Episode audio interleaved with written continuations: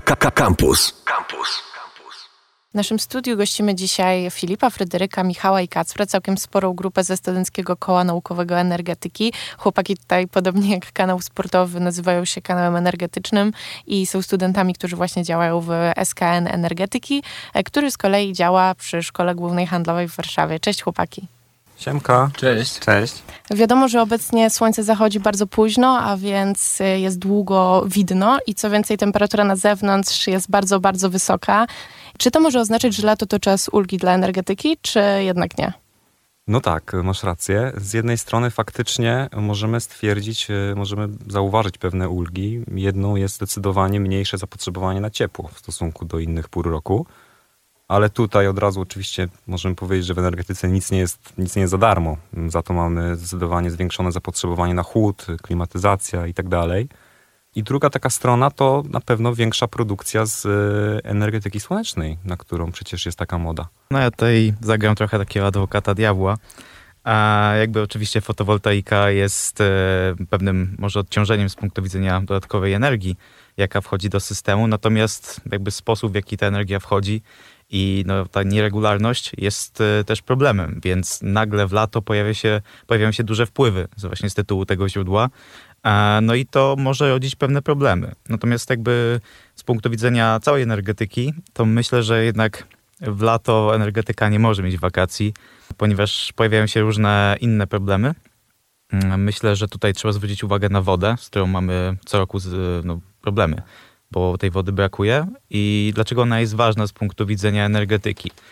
E, mamy no, w większości oparty jeszcze system na elektrowniach węglowych, przy czym część jest e, nowa. To są te, które mają te chłodnie kominowe, które tak sobie upodobali ekolodzy, e, ponieważ wyświetlają na nich często różnego rodzaju e, hasła e, dość kontrowersyjne, które no, mijają się z prawdą. Natomiast te starsze e, są chłodzone woda, wodą z rzeki. I niedobór tej wody sprawia, że nie mogą odpowiednio funkcjonować. Ten cały obiekt jest zaburzony i to rodzi problemy właśnie z eksploatacją takich jednostek, a tym samym no, z produkcją energii. Że tutaj należy zwrócić uwagę na taką datę 10 sierpnia 2015 roku, kiedy właśnie z powodu suszy i też jeszcze paru innych czynników no, spadła na tyle dostępność mocy, między innymi właśnie przez to, że te elektrownie starsze nie mogły e, odpowiednio pracować, że należało wprowadzić 20 stopień zasilania, czyli ten najwyższy, e, a i tym samym ograniczyć energię elektryczną dla firm, dla przedsiębiorców i odbiorców przemysłowych, co było dość takim bardzo głośnym wydarzeniem. Wcześniej już od długiego czasu tego nie stosowano. No i tutaj jeszcze można powiedzieć a propos tego poprzedniego punktu, że właśnie energetyka jest dość zapracowana w lato, bo wtedy odbywają się różnego rodzaju remonty, tych elektrowni, więc dosłownie się dzieje. Mm, myślę, że tutaj też należy zwrócić uwagę na e, tą klimatyzację. Tak naprawdę jeszcze trzeba wziąć pod uwagę to, że coraz więcej ludzi dokonuje zakupu klimatyzacji i też więcej używamy ze względu na rozwój gospodarczy i to, że jednak te temperatury w lato są coraz wyższe. Coraz jest uciążliwiej wytrzymać w to lato po prostu. No tak, chociażby natomiast generalnie poza tym powinniśmy się też skupić, jak używać tej klimatyzacji, e, kiedy ją włączać oraz jak zapobiegać e, temu, żeby jej wręcz nie włączać, no bo mamy różne inne sposoby, tak możemy się chronić e, chociażby zasłonami czy odpowiednim wietrzeniem w ciągu nocy, o czym ludzie często zapominają. Również problemem jest to, że otwierają swoje okna, balkony w czasie, gdy klimatyzacja działa i funkcjonuje. Albo nie tak zamykają drzwi od pokojów, gdzie ta klimatyzacja jest zamontowana. Dokładnie. I w tym momencie tak naprawdę cała ta temperatura, którą obniżamy, z powrotem wraca do normy i energia nam ucieka w eter, można powiedzieć. Jakie jeszcze widzicie takie, można powiedzieć, największe wyzwania dla energetyki w czasie lata? Tutaj mówiliśmy o wodzie, właśnie o tej klimatyzacji, a co w przypadku takich innych ekstremalnych zjawisk, jak na przykład burze czy wyładowania atmosferyczne? Bo to mi się wydaje takim zagrożeniem jednak dla wszystkich systemów. No to prawda, tak. Burze są kolejnym problemem, który y, dotykają tą energetykę właśnie w sezonie letnim. Tutaj co parę lat zdarza się takie, można powiedzieć, bardziej nasilony okres burzowy, który powoduje wie, wielkie straty. I to są straty mm, rzędu kilkudziesięciu milionów złotych dla największych przedsiębiorstw, albo nawet kilkuset, typu Enea lub y, PG mm, i tak dalej. I w szczytowych, naj, naj, najgorszym momencie nawet kilkaset tysięcy ludzi odciętych od prądu, więc to są wielkie, wielkie problemy, zazwyczaj właśnie w sezonie letnim. A jeszcze biorąc pod uwagę to, że ostatnio staramy się e, przechodzić e, na energetykę rozproszoną, to to również może stanowić swego rodzaju problem poważny. Bo... Wyjaśnisz, e, na czym polega energetyka tak, że rozproszona? Po prostu niektóre osiedla czy gospodarstwa będą przyłączone do mniejszych mikrosieci, nie do wielkich ogólnokrajowych sieci mhm. i przez to jak będziemy mieć niekorzystne warunki atmosferyczne na danym, danym rejonie i załóżmy będziemy mieć więcej takich problemów z tymi mikrosieciami, to oczywiście to, żeby załatwić te problemy, to, żeby wszystko wróciło do normy, to najprawdopodobniej zajmie trochę więcej czasu niż, niż to, że, żeby uzdrowić jedną pojedynczą sieć krajową. No trzeba zwrócić też uwagę na to, co się działo w zeszłym roku w Niemczech i nagle ich e, cały miks energetyczny skupiony na OZE mm, tak naprawdę e, legł i Niemcy e, skupowali energię od nas Polaków w tym momencie. No właśnie. Czy to jest w ogóle możliwe, że na przykład piorun może uderzyć w taką instalację? A propos opowiedziałeś o OZE, odnawialnych źródłach energii w Niemczech i czy to jest możliwe, że taki piorun może uderzyć w taką instalację czy w kable znaczy, no wiadomo, z reguły piorun uderza w to najwyższe miejsce, e, jakie jest dostępne, plus no jednak e, przez e, tego typu infrastrukturę e, płynie prąd. Natomiast ja osobiście nigdy nie widziałem żadnego filmu, nagrania z uderzenia piorunu. Nie będę negował, że coś takiego nie może się zdarzyć. Widziałem jak coś, więc to naprawdę występuje no to już mamy potwierdzenie w takim razie, że występuje. Natomiast e, w kontekście burz chyba najistotniejsze jest to, że po prostu są bardzo mocne wiatry i one zrywają tą trakcję mhm. i myślę, że tutaj e, należy przytoczyć e, choćby to, co teraz robią nasze największe przedsiębiorstwa energetyczne. Myślę, że to jest dobra odpowiedź na to, czy to jest duży problem. Mianowicie chodzi o wzmożone inwestycje w kable coraz więcej właśnie takich linii kablowych e, jest budowanych w naszym kraju przez różnego rodzaju właśnie przedsiębiorstwa energetyczne, właśnie po to, żeby się ustrzec przed takimi niekorzystnymi zagrożeniami. Kable, czyli po prostu to idzie pod ziemią. Tak, i chodzi o to, żeby właśnie się ustrzec przed tymi e, zjawiskami niekorzystnymi e, i no tym samym zabezpieczyć dostawy prądu do odbiorców. No tak, ale podczas burzy przynajmniej używa się mniej energii, bo jak wszyscy wiemy, trzeba szybko wyłączać wszystkie urządzenia elektryczne z gniazdek, żeby piorun nie uderzył w dom. Chciałam was zapytać o ludzi, o przemieszczanie się ludzi, bo można sobie wyobrazić, że ludzie wyjeżdżają, więc to zapotrzebowanie na energię jest mniejsze jednak, bo nie ma nas w domu, ale jednak przemieszczamy się i, i, to tak masowo można powiedzieć. I czy to może powodować jakieś obciążenie dla systemów energetycznych albo ewentualnie jakieś takie nierówności w tych systemach? Tak, weźmy pod uwagę chociażby mm, samą turystykę. To, że nagle w lato mamy wielką migrację ludzi, najczęściej z północy na południe, no bo słoneczko świeci tam więcej, jest więcej atrakcyjnych miejsc, Włochy, Hiszpania i tak dalej, i tak dalej. I jest to pewne wyzwanie. Turystyka ma ogromny wpływ. W niektórych krajach jest to sektor, który pobiera około 5, 10 no, nawet czasami procent e, produkowanej energii. Więc e, ma znaczny wpływ. A e, co powiecie na temat samych turystów i ich zachowania? Bo jak wiemy tutaj e, czasami są to korzystne efekty, czasami niekorzystne, ale wiemy, że turyści bazują tak naprawdę na transporcie, więc może porozmawiajmy chwilę o transporcie. Tak, to prawda. Transport jest chyba najważniejszy.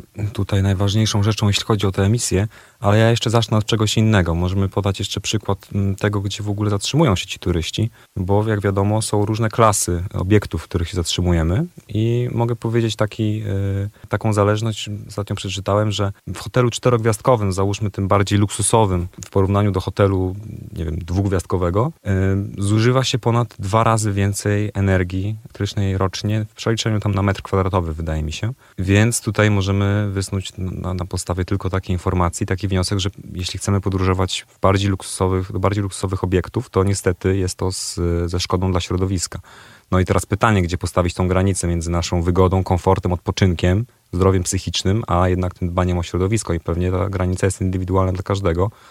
Aczkolwiek przechodząc już do tych kwestii transportu, to faktycznie nie ulega wątpliwości, że poza takimi środkami jak rower, kajak, które są absolutnie zeroemisyjne, no to najlepiej, najlepiej podróżować pociągiem, wydaje się w obecnych realiach, kiedy jeszcze te e, rozwiązania typu samochód elektryczny nie są, nie są wprowadzone, ale też jeśli już mówimy o samochodach, to, to, to porównując samochody spalinowe, autokary i samochody właśnie hybrydowe, to myślę, że bardziej niż e, sam silnik liczy się to, mm, liczy się wypełnienie tego samochodu. To znaczy liczy się, czy my jedziemy w czwórkę tym samochodem, czy mhm. pojedynczo. Bo to y, tu nam takie obliczenia pokazują, że na przykład jeśli jedziemy autokarem zapełnione w pełni, to jest to dużo bardziej korzystne dla środowiska, aniżeli myśmy jechali w, na przykład w pojedynkę y, samochodem elektrycznym.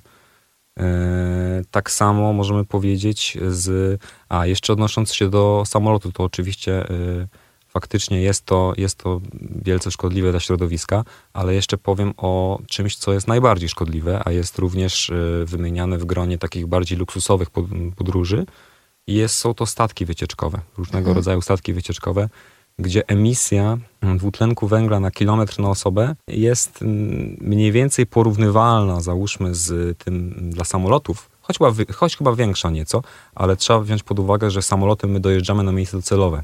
może to być jakoś usprawiedliwione, prawda? A statek wycieczkowy jest po prostu samą w sobie formą spędzania czasu. Faktycznie może to być uznane za luksusowe, ale czy to jest korzystne dla środowiska? Absolutnie nie. Więc jeśli ktoś jest może, tak powiem tutaj z przekorą, jeśli ktoś jest denialistą klimatycznym, nie wierzy w te zmiany, i chce na złość zrobić środowisku, to, to może jechać sobie statkiem wycieczkowym, ale absolutnie to nie jest pożądane. No tak, ale jeśli chodzi tutaj o dotarcie do miejsca docelowego, to tak naprawdę najlepszy jest pociąg, tak jak powiedziałeś na początku, kolej absolutnie. po prostu, bo samolotem jednak dolatujemy do tych dużych lotnisk, które tak czy inaczej są oddalone od centrum miasta zazwyczaj albo od no, konkretnego miejsca, a pociąg e, dojeżdża nam zazwyczaj do centrum, więc można się przemieścić z centrum jakiegoś miasta do centrum. To jest no, jeśli podróżujemy plus. w obrębie Europy, to absolutnie no, coraz, coraz więcej jest połączeń, no, ale wiadomo, że są też takie takie wakacje, destynacje, które wybieramy, no nie, nie, można, nie można czasem wybrać innego środka transportu niż samolot jeszcze.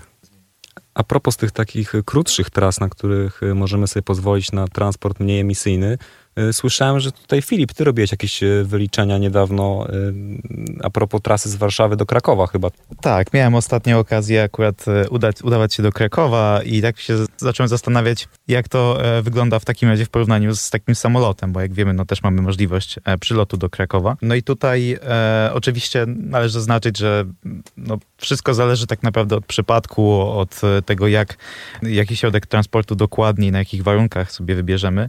Jednak e, biorąc pod, pod, uwagę takie e, orientacyjne wartości emisji na osobę i na kilometr, można tak e, właśnie oszacować tą emisję i myślę, że jest to wręcz zatrważające, że lecąc do Krakowa, który jest tak w linii prostej 250 km od Warszawy, wiadomo, krótki lot, wyemitujemy około 40 kg CO2. I jeżeli wylądujemy potem na takim lotnisku, no to też musimy w jakiś sposób się jeszcze udać do e, docelowego miejsca. Być może na przykład biorąc taksówkę, która też wyemituje dodatkowe CO2.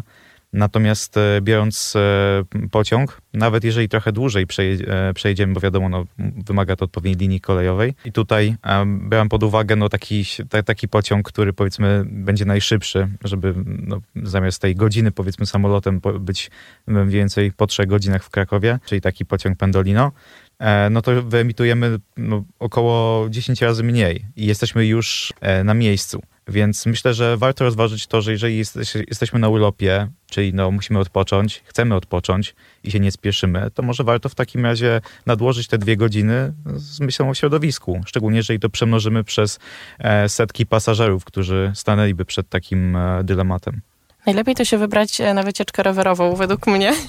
Wiadomo, można, można zrobić taką trasę przez pół Polski, dlaczego nie? Odnośnie transportu aut elektrycznych, o których tutaj wspominaliście, dużo osób narzeka na to, że te auta elektryczne tak naprawdę opierają się tylko i wyłącznie na krótkich dystansach, to znaczy są idealne do jazdy w mieście, ale nigdzie dalej nimi nie pojedziemy. Co prawda Elon Musk tutaj chce ulepszyć Tesla, żeby mogła sobie jechać e, z LA do Miami czy do Nowego Jorku, ale póki co się nie zapowiada i, i czy może są jakieś perspektywy, o których ja nie wiem, a, a jednak coś zmienią?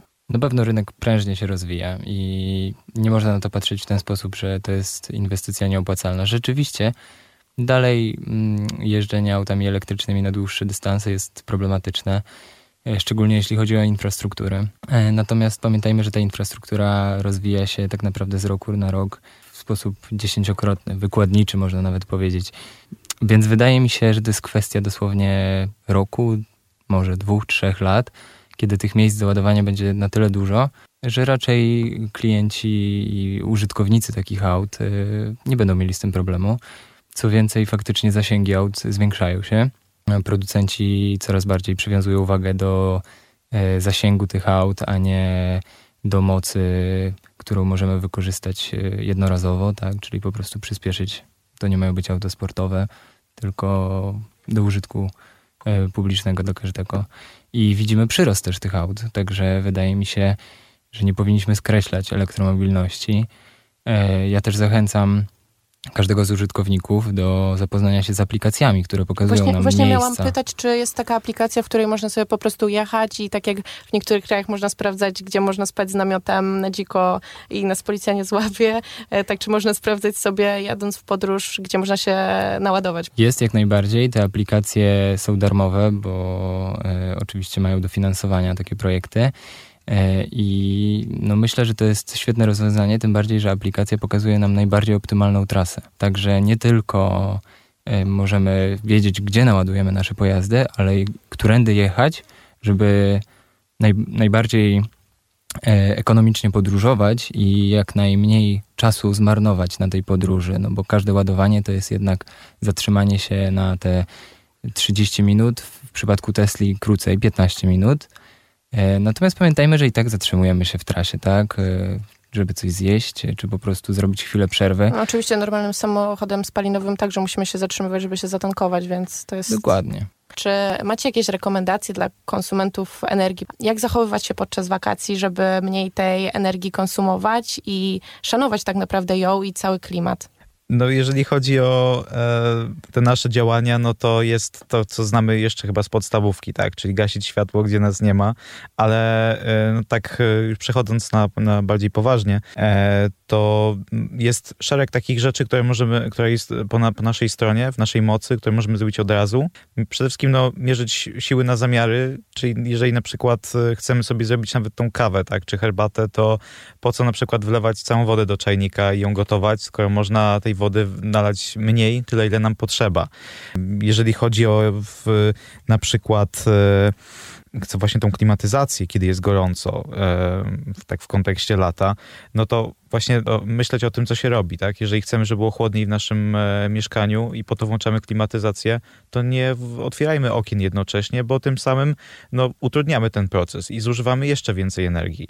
Kolejną taką kwestią, no, która jest oczywiście tutaj trochę dyskusyjna, bo no, wszystko zależy też od naszych możliwości finansowych, ale na tyle, na ile się da, starać się właśnie też e, kupować urządzenia bardziej efektywne energetycznie, o wyższych klasach, które zużywają mniej energii, Myślę, że to w pewnym też stopniu nam się opłaci, bo po prostu będziemy płacić e, niższe rachunki za prąd. No i oczywiście też tutaj jest pewna, pewna taka świadomość, tak, tego, że y, oczywiście my możemy coś zrobić, ale nie jesteśmy tutaj sami e, i myślę, że też tutaj e, musimy być świadomi tego, że ta energetyka jest zmieniana przez ludzi, których my sami wybieramy i my sami musimy też stawiać pewne wymagania, tak, że E, chcemy, aby środowisko było bezpieczne, żebyśmy żyli bez strachu przed blackoutem i tym samym no, właśnie rozliczali tych, na których głosujemy i też głosowali rozważnie e, pod kątem właśnie odpowiednich rozwiązań, które będą też tą naszą energetykę e, dostosowywały do obecnych czasów. Tak, żebyśmy już za kilka, kilkanaście lat w ogóle zapomnieli o stopniach zasilania, bo nie będą potrzebne. To skoro powiedzieliśmy e, już coś o tym, jak się zachowywać, to chciałam zapytać jeszcze o konsekwencje tego, jeśli nie będziemy szanowali tych pewnych zasad i o blackoutie właśnie, o którym mówiłeś. Co to tak naprawdę jest i czym nam grozi? Konsekwencją niestosowania właśnie zasad, o których powiedział Filip, e, jest e, wystąpienie zjawiska o nazwie blackout. Jest to zjawisko nagłej i rozległej awarii systemu elektroenergetycznego kiedy to na danym obszarze po prostu zanika nam energia elektryczna, nie mamy do niej dostępu. Trochę tak jak nazwa wskazuje, można powiedzieć, że się robi ciemno. Tak, tak, dokładnie. I do takiej sytuacji e, doszło w Polsce w 2008 roku w Szczecinie, kiedy to mieszkańcy stracili dostęp do energii elektrycznej na ponad kilkanaście godzin, e, co w konsekwencji przełożyło się na duże straty ekonomiczne. No i przede wszystkim myślę, że dla tych ludzi było szokiem, bo to, że czasami podczas właśnie burzy nie mamy prądu, to raczej możemy sobie wytłumaczyć, a jak dzieje się coś takiego, nie, jest blackout, nie, nie ma prądu i, i co wtedy, jak żyć? Tak, tak naprawdę. dokładnie. W tamtym, okresie, w tamtym okresie nie działały urzędy ani pocztowe, ani, ani szkoły, tak więc można powiedzieć, że całe miasto było sparaliżowane.